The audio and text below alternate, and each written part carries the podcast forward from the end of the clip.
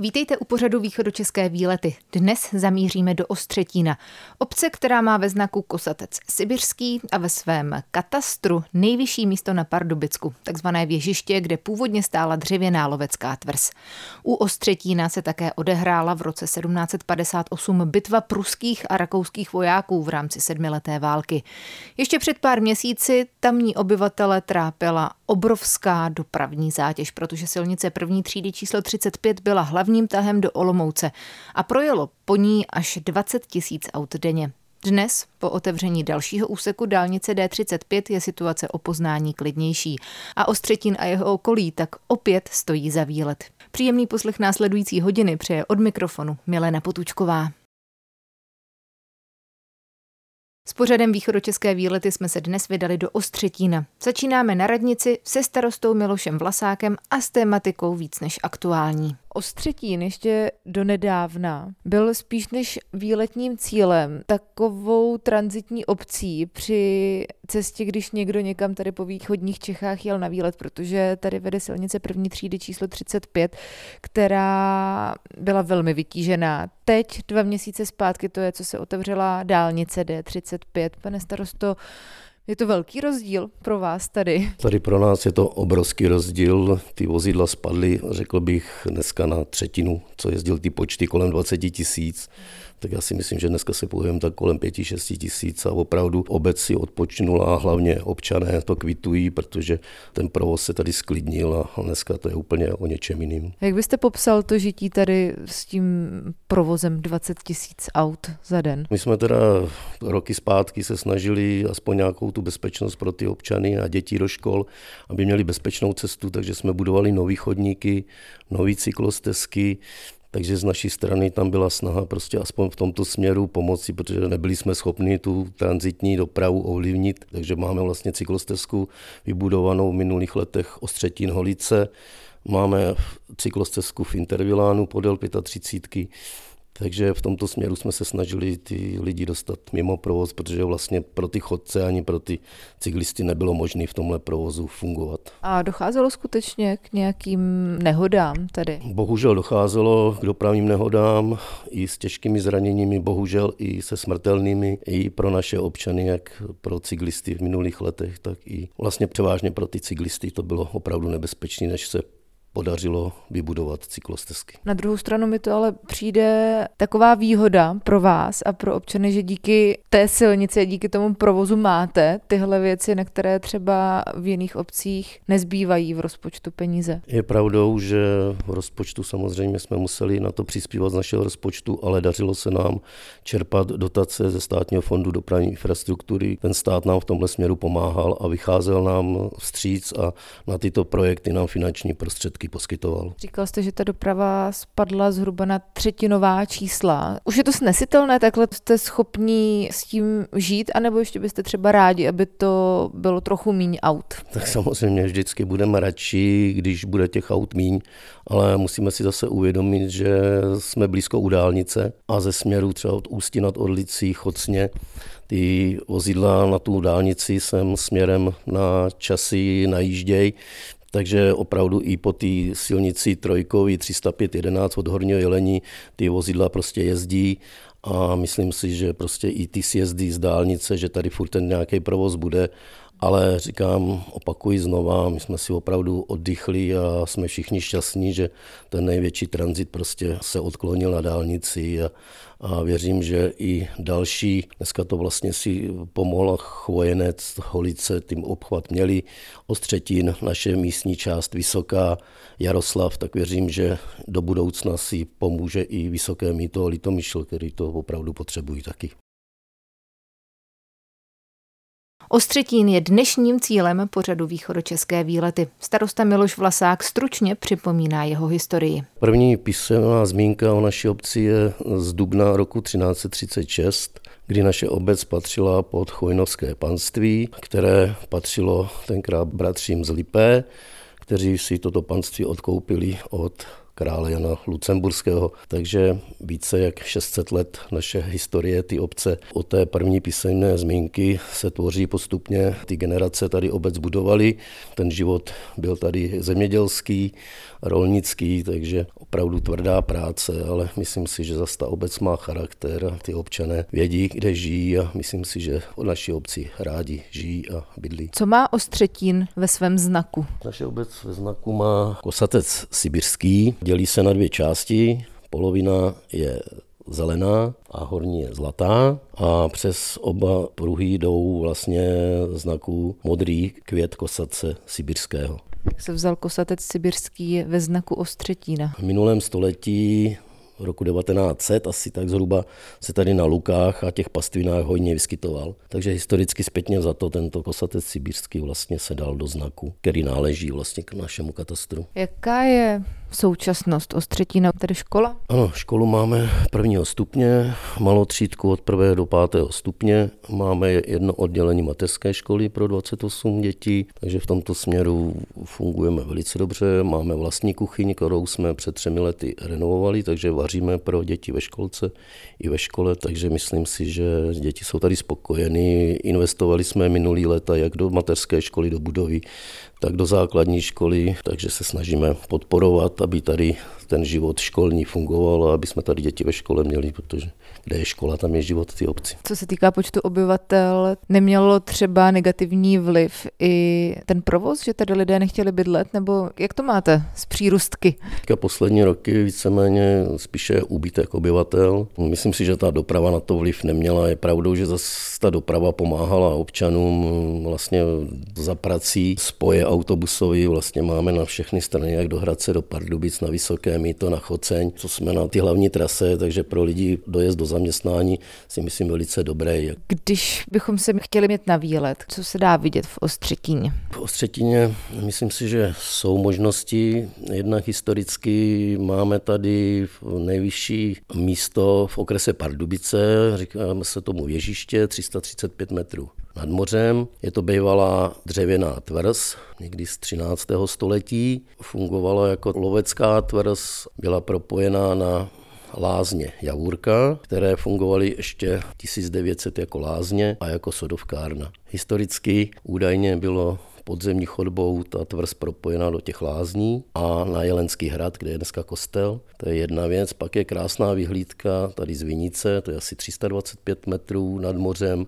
kde se krásně dá vidět ta Polapská nížina, Železné hory, takže za krásného počasí opravdu ty východní Čechy tady jsou krásně z toho kopce vidět. Pak je možnost eh, navštívit Chmelnici kopec, kde jsme před pěti lety ustavili nový pískovcový pomník na doudení bitvu z rakousko-pruské války ze sedmileté války, kde jsme nahradili starý dřevěný kříž pod krásnou lípou. Tady pravidelně děláme rekonstrukce bitvy. Po pěti letech letos bych rád posluchače vašeho rozhlasu pozval na 3. června, kdy se tady v sobotu uskuteční rekonstrukce bitvy až do odpoledne s celým programem, takže budu rád, když vaši posluchači přijedou do Ostřetina na tuto významnou historickou rekonstrukci bitvy, kde ve spolupráci s obcí Horní Ředice. Tuto bitvu děláme tradičně už po šesté, po pěti letech. V sobotu to je v Ostřetíně a v neděli v Horních Ředicích. Stále posloucháte pořad východočeské výlety. Při připomínce o střetinské minulosti jsme skončili u bitvy z roku 1758. Velké podrobnosti o ní kroniky nenabízejí. Novinář Petr Doubrava, jehož koníčkem je ale právě vojenská historie, se pokoušel zjistit víc. Víme, že 12. a 13. července 1758 se došlo ke srážce mezi rakouskými vojsky s ustupujícími pruskými vojsky od Olomouce. Ty tam už vlastně utrpěli velkou logistickou porážku, protože jim tam zničili zásobovací kolonu, která se táhla mnoha kilometrů a generál Laudon se svými jakoby v podstatě skoro partizánskými jednotkami, nebo který využívali tenhle ten způsob, tak jim vlastně zlikvidoval tu kolonu a Prušáci tím, že vlastně neměli jaksi materiální zabezpečení obléhání Olomouce, tak se museli začít stahovat zpátky z českých zemí. A jedna ta trasa vedla právě kolem Holic, směr na Hradec Králové. No a tady se jim vlastně rakouští vojáci, říká se pět pluků pěchoty plus dělostřelectvo, Takže určitě několik tisíc,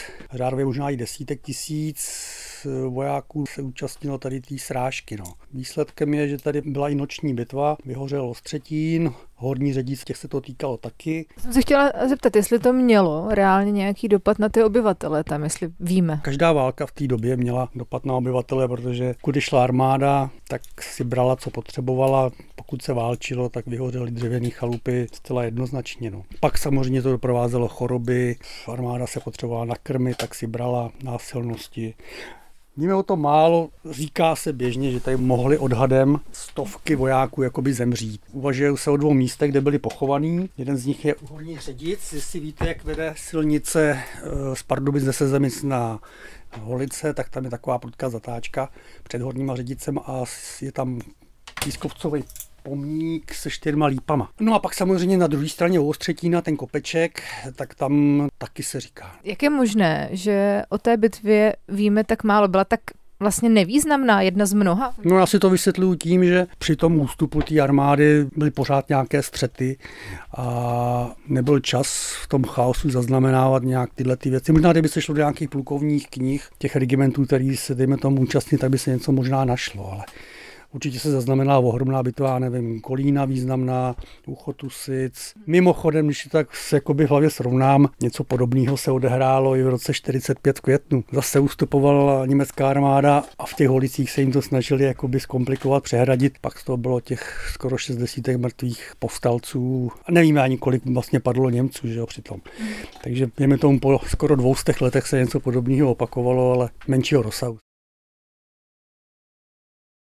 V pořadu východočeské výlety se vracíme na Ostřetinskou radnici za starostou Milošem Vlasákem a zajímá mě ještě místní kostel. Kostel byl vysvěcen v roce 1781, takže 1758 byl vypálen, takže vidíte, že vlastně ty lidi poměrně brzo byli schopni tu sbírku a ten kostel postavit společně s církví a už 1781 byl svěcen nový kostel, který je tady do dneška. Má svoji historii, kde se lidi křtějí i odcházejí poslední rozloučení, že jo, využívá se i dodnes.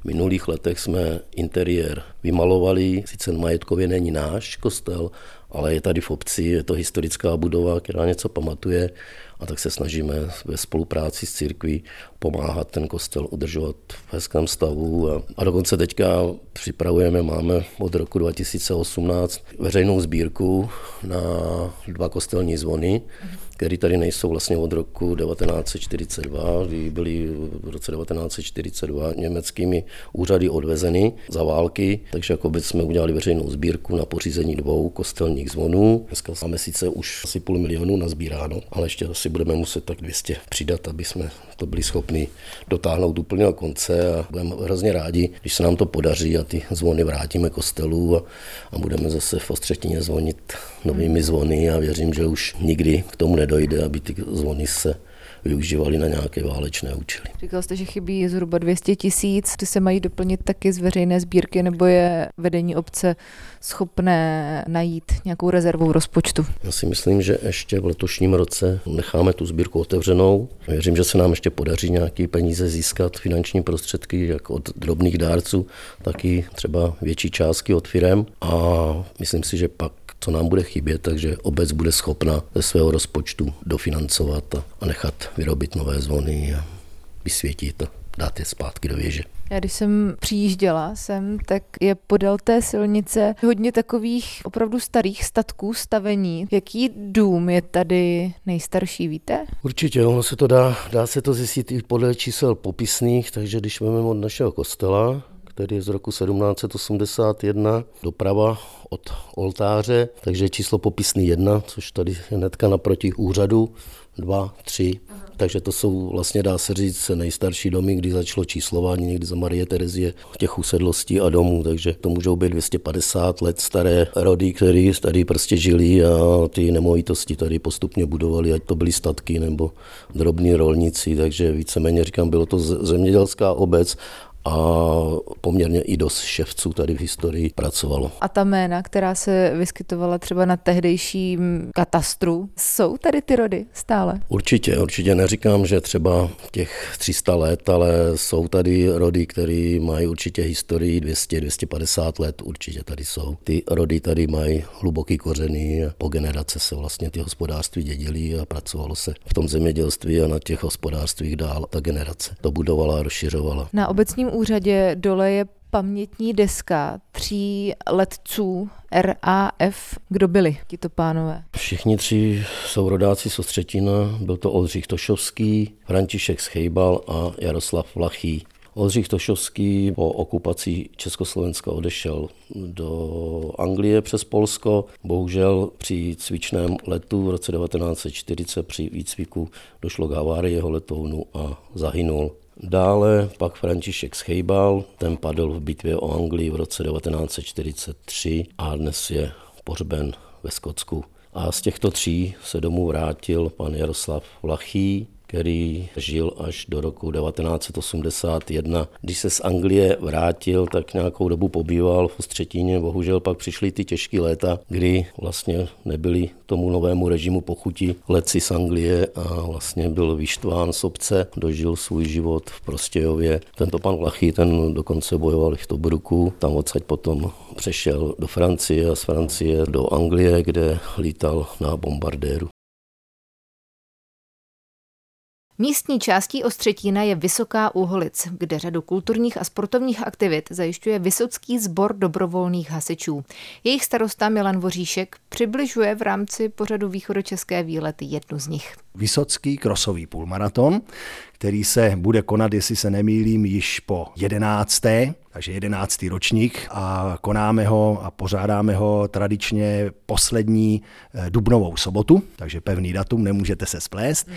A vlastně jedná se o skutečně půlmaraton, to znamená lehce přes 21 kilometrů běhu v různých kategoriích, takže máme připravené pro děti, samozřejmě to je 3,5 kilometru, ty tak netrápíme. Potom je možné si dát 7,5 kilometru, to je jedno kolo, protože máme celkem tři okruhy, abychom se dostali na těch 21 celých něco. No a hlavní závod, ten je těch 21 km a 600 metrů. Celý závod je vlastně tady ve Vysocko-Jelensko-Jaroslavských lesích. Počínaje, myslím, loňském máme novou trasu, která vyloučila pohyb eh, závodníků po veřejných komunikacích. Takže teď už čistě vlastně startujeme přímo v areálu místního hřiště do lesa a na to hřiště se vracíme bez toho, aniž bychom potřebovali nějakým způsobem zastavovat dopravu anebo vůbec se starat o větší bezpečnost těch závodníků. Krosový v tom názvu znamená to, že ta trasa pouze vede lesem, nebo tam ještě organizátoři připraví nějaké nástrahy, které musí závodníci překonávat? Tyto nástrahy nám připraví příroda. Takže ten běh je po částečně spevněných, ale i nespevněných lesních stezkách a mm, je tam i takový úsek vyloženě běh lesem, ne stezky. Takže když tam spadne strom nebo je tam nějaká překážka, kterou příroda nachystala, tak i závodníci musí překonat, ale aktivně, aktivně překážky nestavíme. Takže pak jsou takové závody, kde se třeba běží korytem řeky nebo něco takového. Takhle netrápíte? Ne, ne, určitě ne, prosím vás. To je Spartan Race a podobné nesmysly necháme pro zdatnější a tady je to především proto, aby lidi přišli, zasportovali si a e, následně se pobavili, protože samozřejmě po doběhu to není tak, že by se e, všichni rozloučili a odešli domů, ale máme potom tombolu, občerstvení, no a večer je živá muzika. Kolik účastníků se vám tak hlásí v průměru? V průměru je těžko říct, ale pokud pomineme covidové roky, kdy jsme i museli hýbat s termínem, tak myslím si posledně bylo přes 140 140 nebo 150 ve všech kategoriích, takže na naši malou obec je to určitě víc než dostatečné. Jsou to místní nebo za tímhle závodem jezdí lidé třeba i z jiných koutů? Samozřejmě většina se rekrutuje z blízkého okolí. Přímo místních nás k ostudě spoluobčanů musí říct není mnoho, ale z blízkého okolí do 20 kilometrů je většina, ale měli jsme závodníky z Brna, z Kroměříže, z Liberce, jo, takže mm, ano, máme i v úvozovkách mezinárodní účast. Východočeské výlety z Ostřetína na Pardubicku pokračují a stejně tak povídání se starostou sboru vysockých dobrovolných hasičů Milanem Voříškem. Hasiči totiž zajišťují i posvícení a jednu speciální soutěž. Ve Vysoké Uhlic posvícení připadá na první zářijovou neděli, to lidi odpočívají, schází se a baští k obědu husu nebo kachnu se zelím a s knedlíkem. A den předem, to znamená sobotu, první zářivou sobotu, pořádáme a už taky tradiční, dá se říct, akci, tam se v nějakým osmým nebo devátým ročníku, jestli se nepletu, blíží se nám desítka, pořádáme soutěž ve vaření kotlíkových gulášů. Ta soutěž probíhá tak, že máme deset soutěžících týmů, které se až na dvě výjimky, na tři výjimky se rekrutují ze sboru dobrovolných hasičů okolních obcí. No a úkolem je uvařit vařit co nejchutnější kotlíkový guláš. Takže týmy vaří, vaří a tuším někdy kolem třetí hodiny odpolední nebo přímo úderem třetí odpolední se prodávají pro zájemce konzumenky, se dá říct. Je to lístek vlastně, na kterém jsou vyznačeny všech deset týmů a když si ho koupíte, tak u každého týmu můžete ochutnat a tam, kde ochutnáte, tak vám ten tým potvrdí výdej. A můžete ochutnat všech deset nebo jenom pět, to je jedno, ale potom z těch, co jste ochutnala, jeden jediný zakrčiškujete, který je podle vás ten nejlepší, hodíte do urny, porota vlastně spočítá ty hlasy a se určí vítěz a ten dostane hodnotné ceny. Teď, abych si to představila ještě trošku konkrétněji ten kotlík je na čem? Tedy na ohni, takže tam jsou ohniště nebo na čem se to vaří? Představte si řadu deseti ohnišť, samozřejmě bezpečné vzdálenosti. Nic jiného by mě nenapadlo u hasičů. A nad každým ohništěm je trojnožka a na té trojnožce visí kotlík. To je základ. No. Kolik členů může mít ten jeden tým, když jich tam je 10? Těch členů je neomezené množství. Pokud byste měla 20 pomocníků a oni se vejdou kolem kotlíku, může být takové jako únosné minimum je ve třech, a vím to zvláštní zkušeností, to je hrozný šrumec.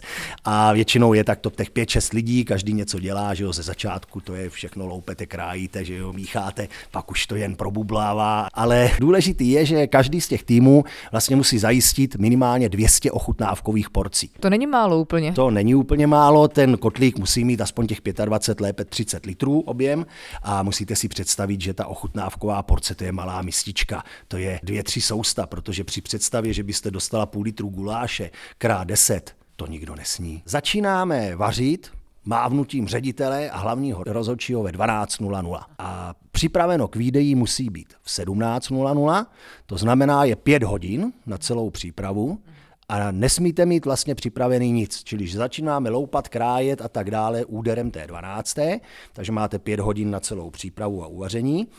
A v pět hodin se začíná vydávat. Vy jste soutěžil? Já jsem soutěžil, ano, vícekrát. Vyhrál jste? E, nevyhrál jsem. Předloni jsem se s kolegy umístil na velmi pěkném druhém místě a loni na velmi pěkném úplně vzadu. Letos do toho půjdete, do soutěže? Určitě a rád. Dodává s optimismem Milan Voříšek ze sboru Vysockých dobrovolných hasičů. Přijeďte se podívat do Ostřetína i vy, ať už na krosový půlmaraton, posvícení, anebo jen tak třeba na věžiště, které nabízí rozhled po celých východních Čechách. A naslyšenou se těší zase někdy Milena Potučková.